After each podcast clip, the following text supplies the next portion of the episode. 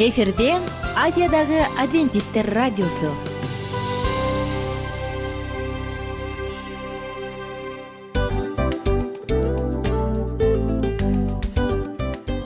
Достор салют. Баардык сүйүктүү угармандарыбызга салам айтабыз. Кутман күнүңүздөр менен.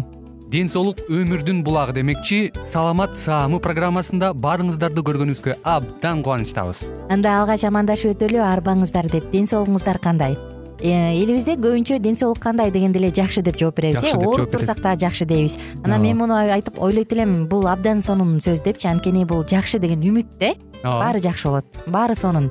Деп үмүттөнүп атып эле өзүбүздү өзүбүз дарылап коебуз. Анысы кандай сиздин дагы ден соолугуңуз жакшы беш деген үмүттөбүз чындыгында ден соолук бул өмүрдүн булагы деп бекеринен айтылган эмес деп ойлойм. Кыргыз элинде анткени эгерде ден соолук жок болсо анда адамдын жашоосунда калган баардык керектүү маңыздуу нерселер өзүнүн баалуулугун жоготуп коет. Ошондуктан ден соолук бул эң керектүү нерсе. Ооба туура айтасың кесиптешим чынында ден соолугуң жок бир эки үч күн ооруп калсаң эле кандай болуп калат? Жашоодо көз каранды болуп каласың көп нерсеге жетишпей каласың көп нерсени кыла албай каласың жада калса эшикке дүкөнгө да чыга албай каласың. Туптуура анан ден соолук болсо демек биз биздин бактыбыз тотой деп койсок болот. Анда достор саламат саамы рубрикабызды баштайлы. Алдыда өзүңүзгө керектүү болгон сонун кеңештерди уга аласыздар. Мына ошондуктан биз менен бирге болуңуздар. Ал эми биз болсо милан жана айнура. Кеттик алга. Алга саламат саама ден соолуктун жарчысы. Саламат саама ден соолуктун ачкычы. Күн сайын сиз үчүн мыкты кеңештер сонун жаңылыктар кызыктуу фактылар биздин рубрикада.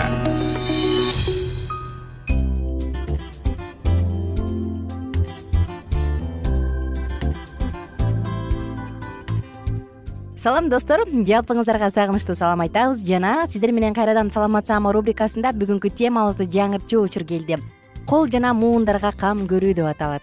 Бүгүн сиздер менен биздин таң калыштуу жана эң эле кымбат болгон колдорубуз тууралуу андан ары улантабыз. Кол ооруду беле эгер кол ооруса демек бул олуттуу көйгөй. Анткени биз дал ушул колдорубуз менен эмгек кылышыбыз керек тамактанышыбыз керек күнүмдүк ар кандай жашоодо ар кандай оокаттарды жасайбыз. Айтор колду күнүгө колдонуп келебиз. Мына ошондуктан дал ушул биздин алтын колдорубуз ооруп кала турган болсо анда бул биринчи кезекте коңгуроону какчу маселе эмне кылыш керек? Биринчи эле кезекте ревматологко барып келиш керек. Анан ал оорунун себебин түшүндүргөндөн кийин андан ары ар кандай кадамдарды шилтесе болот. Эмне дейбиз достор? Сиздин ден соолугуңузга кам көрүүчү ден соолук саламаттуу дене цикли мына ошондуктан биздин уктуруубузду калтырбастан биз менен бирге болуңуздар кызыктын баардыгы. Алдыда адамдын колунда оору эмнеден улам пайда болот? Бул механикалык жаракат алгандан же сезгенип суук тийгенден болушу мүмкүн механикалык жаракат бул эмне? Ал жаракат алгандан жыйынтыгы же болбосо дегенеративдик оорулар болушу мүмкүн. Мындай учурда оору кыймылдаган учурда гана байкалат ал эми сезгенип суук тийген учурда оору дайыма болот. Дайыма мындай бир нерсени мыжыып кармап тургандай болот кол бир аз шишийт териси кызарат.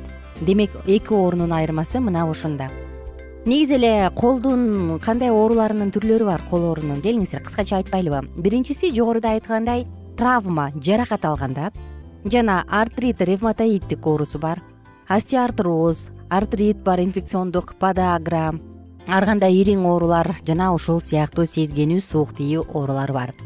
Булардын баардыгын тең жогоруда айтып өткөндөй дарылардын алдында же болбосо кол оорунун себебин билерден мурун биринчи кезекте ревматологко барып келгениңиз жакшы. Андан кийин специалист кандай ыкма менен сизди дарылаш керек кандай диагноздорду чогултуш керек кандай кандын анализин тапшырыш керек? Клиникалык биохимиялыкпы баардыгын тең ошол андан ары чечип берет. Рентген жөнүндө сөз кылсак. Рентген майда муундардын канчалык деңгээлде бузулганын канчалык деңгээлде ооруганын баардыгын тең деңгээлин аныктап берет. Магниттик резонанстык томография болсо сөөк кемирчек муундардын капсуласы мына ушунун баардыгын көргөзөт.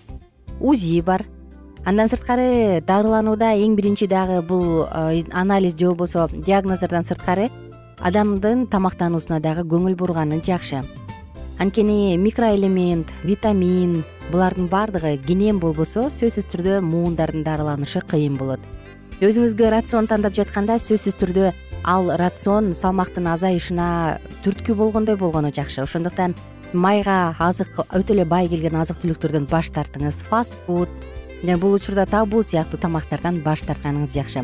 Өзүңүздүн тамак ашыңызда туз өтө эле аз эле өлчөмдө болгону жакшы. Жана ошондой эле ичимдик чылым сыяктуу жаман адаттардан баш тартыңыз. Ошондой эле достор колду дарылоочу дагы бир ыкма бул массаж бар. Ой массажды жакшы көрөсүзбү? Мен массажды абдан жакшы көрөм ошондуктан бул мага майдай жагып турат. Артроз учурунда массаж кан тамырларга кандын жүгүрүшүн абдан жакшыртат. Ошондуктан тканьдар атрофия болуп атса же болбосо кандайдыр бир процесстер болуп атса анда сөзсүз түрдө массажга барганыңыз жакшы. Бул дагы албетте специалисттин айтымы боюнча. Массаж кандай болушу керек? Массаж жеңил жана ар бир э, манжаны ар бир манжаларды жеңил жеңил сүртүп алакандан тырмакка чейин мынтип улам улам созуп жасай тургандай болушу керек. Колдон ийинден жана билектен баардыгына жасалышы шарт жана достор сизге жардам берүүчү дагы бир нерсе бул колго жасалуучу гимнастика дарылануучу гимнастика. Бул дагы лимфалардын движениясын кыймылын тездетет колдогу шишиктерди сезгенүү суук тийүүлөрдүн баардыгын жок кылат. Ошондой эле колдун булчуңдарын бекемдейт жана артроз оорусун дарылоодо жакшы жардам берет. Ал үчүн сиз жөн гана резина кичинекей тобун алып алыңыз анан ошол топ менен интернеттен карасаңыз да болот колдун моторикасын жакшы иштетиш үчүн сонун көнүгүүлөрдү жасаңыз. Эгерде сиз манжаларыңыз менен стөлдү черткилегенди жакшы көрсөңүз анда бул көнүгүү эң эле идеалдуу эң эле сонун. Бул дагы манжаларга көнүгүү жасоодо гимнастикада сонун жардам берет. Ошондуктан ушундай адатты өзүңүзгө таап алсаңыз болот. Үйдө отуруп эле жасай турган дагы бир сонун ыкма бар. Бул колдорго жасалуучу ванна. Кадимки эле суюктукка ал балким жөнөкөй эле суу же бир аз туздалган морская соль кошулган суу болобу же дагы ар кандай бир дары каражаттары дары чөп чарылар розмаринби кара горчицанын уругубу же болбосо жөн гана э, грек жаңгагынын жалпырагыбы ушул сыяктуу дары каражаттары кошулган сууга колуңузду салып парить болот бууласаңыз. Мындай ванна дагы э, суук тийүүнү алат жана артритти жакшы дарылаганга жардам берет. отуз кырк градус суунун температурасы болушу жакшы. Мындай ваннаны колуңузга үч мүнөттөн беш мүнөткө чейин жасаңыз. Ошондой эле достор мурунку уктуруулардын биринде айтып өткөнбүз. Сулуу уну менен дагы колду сүртүү деп. Бул дагы абдан жакшы. Сонун жардам берет. Ошондуктан кадимки эле сулууну алып өтө майдалаңыз. Аны мискеге салыңыз дагы эки колуңузду тең ошол жака салып туруп анан бири бирине мынтип сүртүңүз бир нече мүнөт бою сүртүңүз колуңуз кургайт анан артынан нымдандыруучу крем сүйкөп коюңуз. Колуңузга ылайдан ванна жасасаңыз болот парафинден ванна жасасаңыз болот мурунку уктурууларда айтканбыз эгер эсиңизде бар болсо. Ошондой эле колуңузга ар кандай гимнастикаларды көнүгүүлөрдү интернеттен карап туруп жасасаңыз болот. Булардын баардыгы сиздин ден соолугуңузду чыңдайт ий баса достор парафин ваннасы жөнүндө айта кетсем. Эгерде сиздин колуңузда ачык жаракат бар болсо же язва сыяктуу жара бар болсо анда парафинге салбаңыз анткени бул сиздин жаракат алган жериңизди ого бетер ачыштырып коюшу мүмкүн. Парафиндин температурасы элүү градустан элүү төрт градуска чейин болушу шарт. Күнүнө алты он эки жолудан баштап акырындан он беш жыйырма мүнөт аралыгында жасап жасап жасап отуруп аягында парафинди алгандан кийин колуңузду спирт менен сүртүп койгонду унутпаңыз. Достор негизи эле баардык ооруну ооругандан кийин эмес алдын ала алдын алып дарыланган жакшы эмеспи. Ошондуктан кайсы гана жер болбосун кайсы гана учур болбосун каякта гана иштебеңиз жеген тамагыңызга өзүңүздүн күнүмдүк режимиңизге көңүл буруп анан ден соолугуңузду сактаганга жардам бериңиз өзүңүзгө а мен болсо сиздер менен коштошом. Кийинки уктуруудан кайрадан амандашканча сак саламатта туруңуздар. Саламат саама ден соолуктун жарчысы. Саламат саама ден соолуктун ачкычы. Күн сайын сиз үчүн мыкты кеңештер сонун жаңылыктар кызыктуу фактылар биздин рубрикада.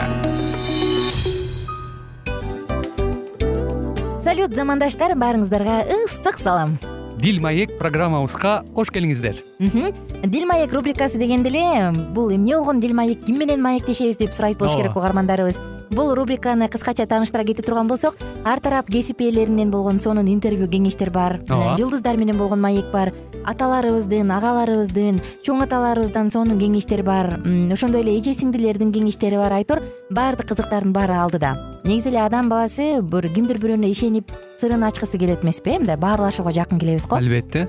Негизи бир жерге отуруп алып кенен шашпай баягы жүрөктөн жүрөккө ачып сырларыбызды ар кандай көйгөйлөрүбүз менен бөлүшүп баягы чын жүрөктөн маек курганды кимибиз сүйбөйбүз э? Ооба десең ал нерсеге суусап да келебиз да? Ооба кээ бирде адамга чындыгында баягы э, ысык маек баягы жылуу маек жетишпейт да. Ошондуктан биз ушул рубриканы ойлоп тапканыбызда эң биринчи эле достор сиздер менен чын жүрөктөн бир маңыздуу темаларды козгоп кеткени э, кааладык. Ошондуктан ушундай сонун бир рубриканы тартуулап жатабыз. Анын үстүнө радио дагы сонун дос да анткени э, мындай учурда досуңа айтсаң досуң досуна айтат досу досуна айтат да анан бүт өлкө билип калышы мүмкүн го.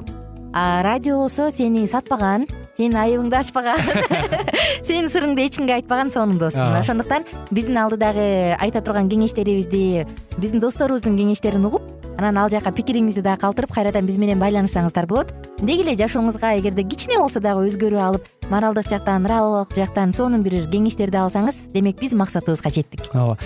Чыңгыз атабыз улуу жазуучу э, чыңгыз айтматов айткандай адам болуу бул күнүмдүк процесс экен.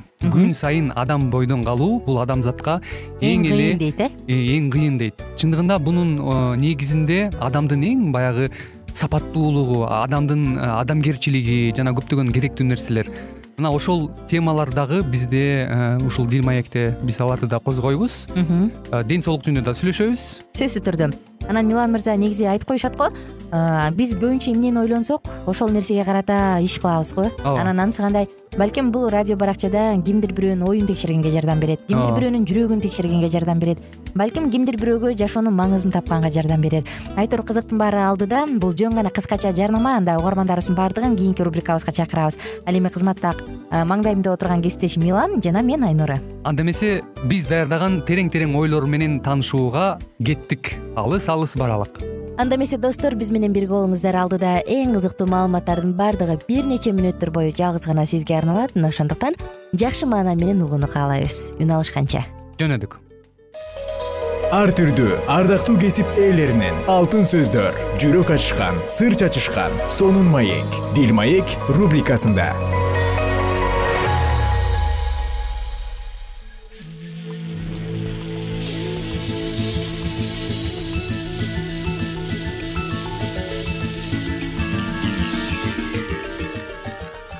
кутмандуу күнүңүздөр менен кымбаттуу радио угармандарыбыз кайрадан эле сиздердин назарыңыздарда бактылуу никенин баалуу эрежелери аттуу программабызды баштамакчыбыз. Бүгүнкү программабызда адаттагыдай эле кызматыңыздарда аты жөнүм мен улан жана ошондой эле кесиптешим.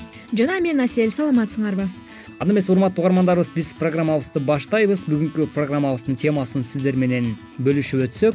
Эркек менен аялдын деги эле айырмачылыктары кандай? Дал ушул туурасында бир нече кеңештерге бүгүнкү берүүбүздө токтолуп өтмөкчүбүз. Андыктан биздин одон алыстабай дал ушул мүнөттөрдө биз менен биргеликте болуңуз. Эркек менен аялдын айырмачылыгы. Адамдар ар түрдүү бирок көзгө көрүнгөн жана көрүнбөгөн айырмачылыктар бар. Биринчи айырмачылык ойлонуу жөндөмдүүлүгүндө эркектер кыйынчылык жаралса ошону гана ойлошот. Ал эми аялдар болсо сүйлөшүп ичиндеги бугун чыгармайын тынчыбайт. Ошондуктан эркектер ойлонуп жатканда тоскоолдук жаратпаңыз. Ал эми аялга ичиндегисин чыгарып алууга мүмкүнчүлүк берүү керек. Антпесе айтылбай калган ар бир сөз жүрөккө жеткен жебеге айланат андыктан ардактуу замандаштар жана ошондой эле сүйүктүү радио угармандарыбыз айрыкча биз э, мырзаларга кайрылып кеткибиз келет. Эгерде сиздин э, жубайыңыз э, кандайдыр бир деңгээлде бук болуп эмнегедир маанайы бузулуп турган болсо анда ал бугун чыгарып алганга мүмкүнчүлүк түзүп бергениңиз абдан жакшы болуп саналат экен. Себеп дегенде балким ал ошол курбусу менен барып өзүнүн ички бугун айтып ыйлап алганда аялдар бул нерседен кандайдыр бир өзлөрүнүн жашоолоруна жеңилдик алган болот экен. Демек бул нерсени дагы биз туура түшүнүү менен мамиле кылыш керек экен деген ой менен э, сапарыбызды мындан аркы бөлүгүн уланта бермекчибиз. Ал эми сиздер болсо биздин одон алыстабай биз менен биргеликте болуңуздар. Жигиттер бир шым менен көйнөктү кийип бир жума бою жүрө беришет. Ал эми аялдар болсо кийими толгон шкафты ачып алып кийгенге эч нерсе жок дей беришет экен демек бул жерден да көрсөк болот экен аял менен эркектин айырмачылыгы ушунчалык э, бир тараптан күлкүнүчтүү бир тараптан ушунчалык кызыктуу десек дагы болот.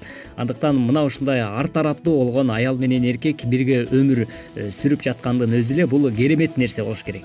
Албетте. Эркекке эмнеге айтылганы маанилүү болсо ал эми аялдарга кандай айтылганы маанилүү болот экен аялдар көп учурда интонацияга көп көңүл бөлүшөт экен андыктан мырзалар критика айтып жатсаңар дагы жылуу сүйлөңүз. Бул аял үчүн жакшыраак боло турганын көрөсүз албетте бул жаатта дагы урматтуу мырзалар сиздер баягы биз эркектер мындай өтө э, оор басыруктуу болгондуктан кээ бир учурда бир кырс мүнөздүк менен э, өзүбүздүн жубайларыбызга катаал мамиле кыла турган болсок анда алардын көңүлүн оорутуп алганга толугу менен мүмкүнчүлүк жана кырдаал жаралат экен. Демек бул нерседе дагы ардактуу мырзалар жана ошондой эле сүйүктүү радио каармандарыбыз э, өтө кылдаттык менен бири бирибизге аяр мамиле кылганга үйрөнө турган болсок анда никелик жашоодогу жашообуздун бактылуу болушуна биз жол ачып берген болот экенбиз. Өзүн таануу өзүн жашоого активдүү аралаштыруу адамдын психикалык руханий физиологиялык өнүгүүсүндөгү маанилүү нерсе. Эркектер күч кубатына таянып өздөрүн ишенимдүү сезсе ал эми кыздар назиктиги менен бакыт табышат экен. Эркектин көңүлүн тапкың келсе тоскоолдук жаратпа дешет экен. Ал эми аялдарды бактылуу кылгың келсе сүйлөш деген да кеңештерди айткыбыз келет чындап эле аял заты бул сүйлөшүүдөн жана баарлашуудан өзгөчө ырахат алган жандар болгондуктан демек биз дагы мырзалар аялдардын жан дүйнөсүн жана алардын акыбалын түшүнө билгенге кээ бир учурда аракет кылышыбыз керек экен. Мына ушул нерселерди эске алуу менен биргеликте биз өзүбүздүн э, сүйүктүүбүзгө карата болгон э, мамилебизди жөнгө салган болот экенбиз. Кийинки айырмачылык канааттандырууга байланыштуу жигиттердин маанайы сырткы жагдайларга байланыштуу өзгөрөт жумуштагы жетишкендиги колунан келген эрдигине карата. Ал эми кыздардыкы үй бүлөдөгү карым катнаш аркылуу өзгөрөт. Ошондуктан эркектер биринчи кезекте өзүнүн керектүү маанилүү эч кимге окшобогон жактарын сезүүлөрү тийиш. Азыркы заманда аялдар биринчиликти күйөөсүнө берүүнүн ордуна аны менен такталашышат экен.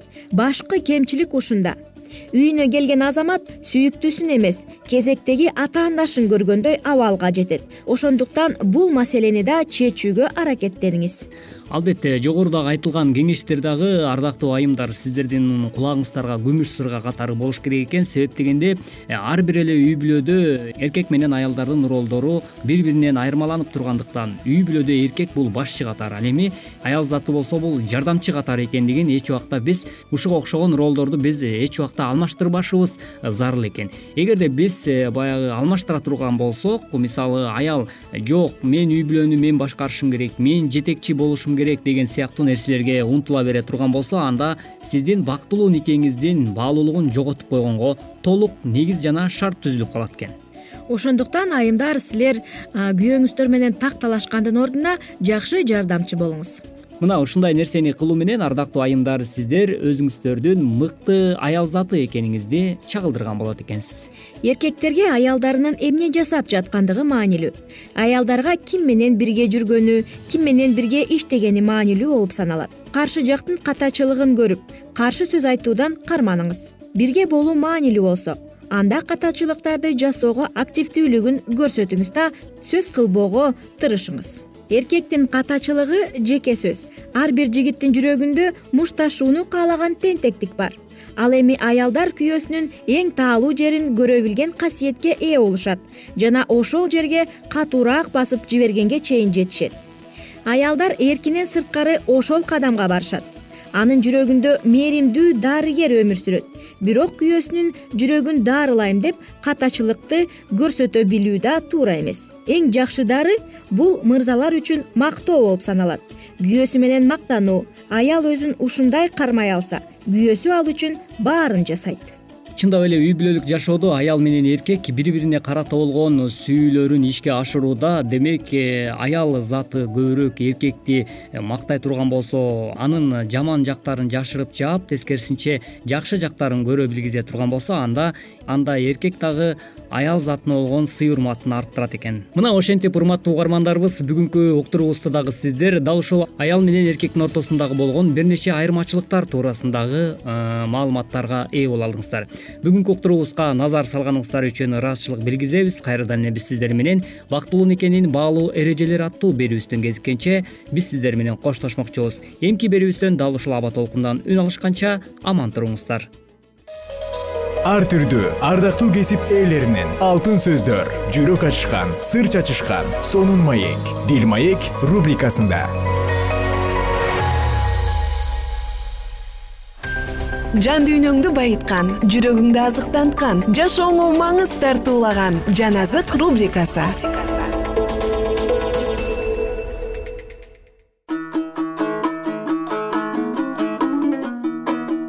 Кутмандуу куш күнүңүздөр менен кадырлуу замандаштар сиздер менен жан азык уктуруусундабыз. Жана бүгүн куткарылуу тарыхы деп аталган сонун китебибизди андан ары улантабыз. Биз менен бирге болуңуздар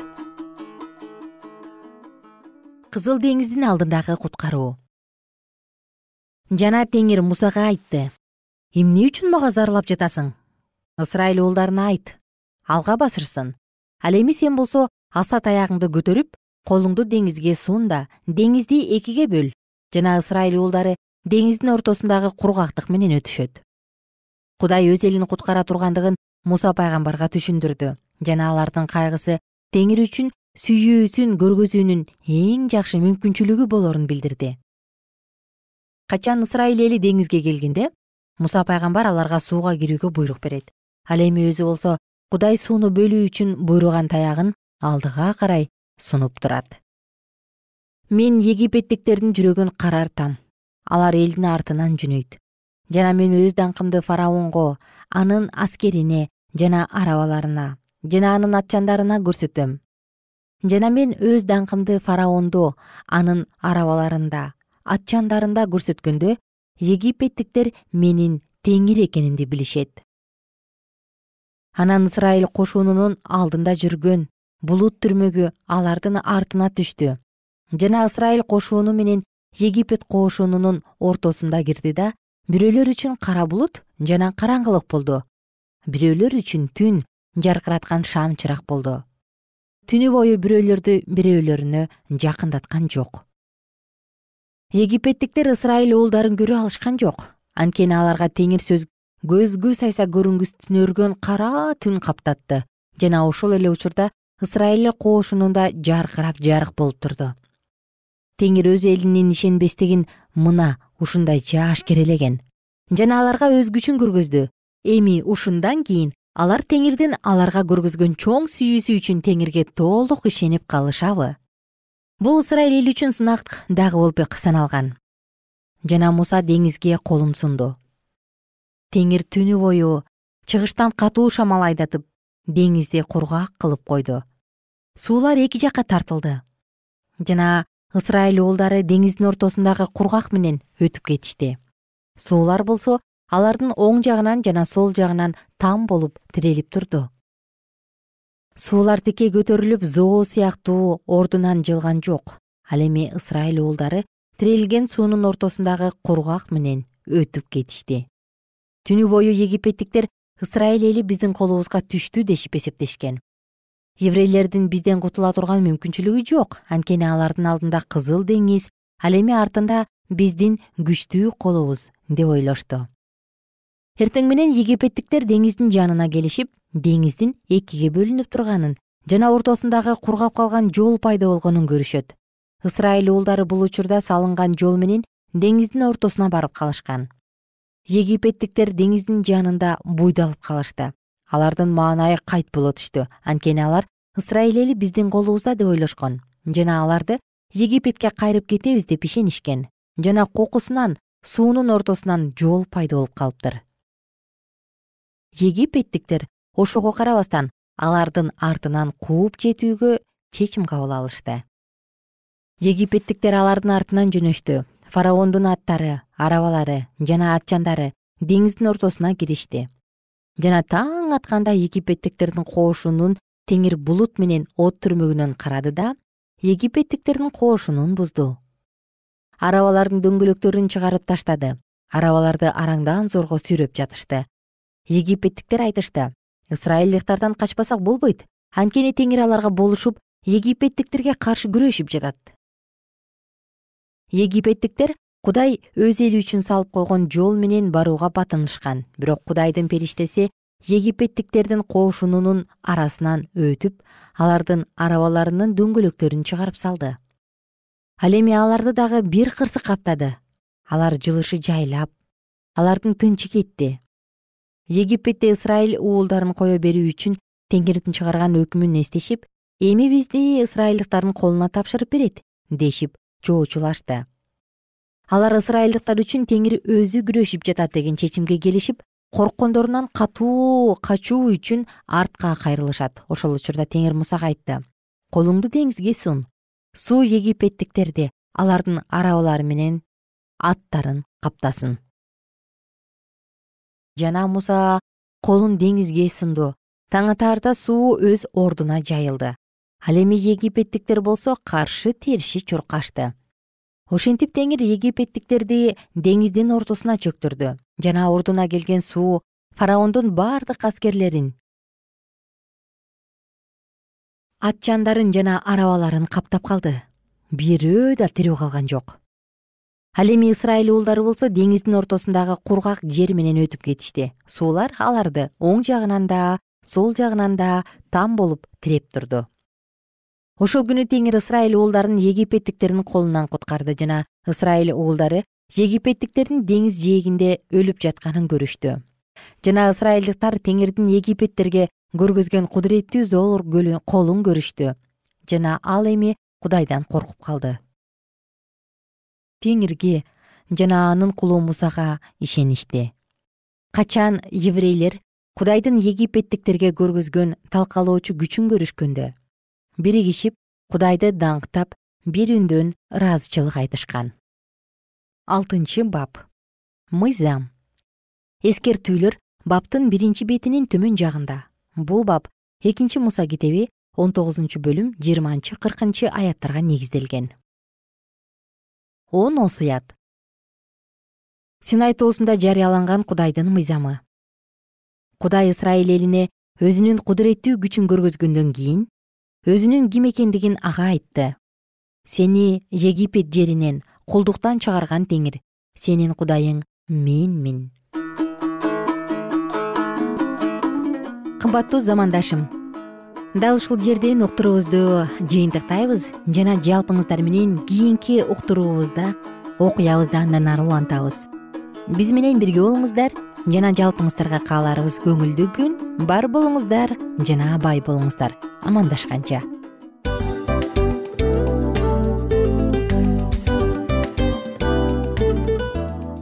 мына ушинтип убакыт дагы тез өтүп кетет экен. Биз дагы радио уктуруубуздун аягына келип жеттик келип кубандырдыңар эми кетип кубандыргыла деп тамашалап калышат эмеспи анысы кандай? Радио баракчабызды программабызды азыр эле баштап аткандай болдук элек. Мына соңуна келдик э? Негизи убакыт э, билинбей өтүп кетет экен мен дагы э, убакыт дегенде бүгүн бир адам менен сүйлөшүп калдым. Анан убакыт бул мүмкүнчүлүк деп айтып өзүмө өзүм айтып алып анан мага өзүмө эле кайра ачылыш болду да чын эле Э, карап отурсаң ошол эле жыйырма төрт саат ошол эле жарым саат кайталанып атат бирок сендеги мүмкүнчүлүк жок ошол кой берилип кетти? Анысы кандай? Бүгүнкү сонун убактыңызды алтындай болгон жарым саатыңызды бизге бөлүп арнаганыңыз үчүн ыраазычылык айтабыз. Анан жашооңуздун кайсы бир сферасын өзгөртө турган сонун пайдалуу кеңеш алган болсоңуз анда биз максатыбызга жеттик. Анан ушул нерсени кылбасам десеңиз ошол өзгөрүүлөрдү кичинекей кадамдардан баштап иш жүзүнө ашырыңыз дагы жашооңузда чоң чоң ийгиликтерге жетиңиздер чын жүрөктөн ар бир берилген кеңештер сөздөр сиздерге пайдасын алып келет деп ишенебиз. Жана кийинки уктурууларда сөзсүз түрдө чыдамсыздык менен сиздерди күтөбүз. Сагынычтуу салам айтып кайрадан дал ушул жыштыктан баардыгыңыздарды тосуп алганча. Кызматта мен айнура жана кесиптешим милан анда кол пул жалпыңыздарга ийгиликтүү күн. Саламатта калыңыздар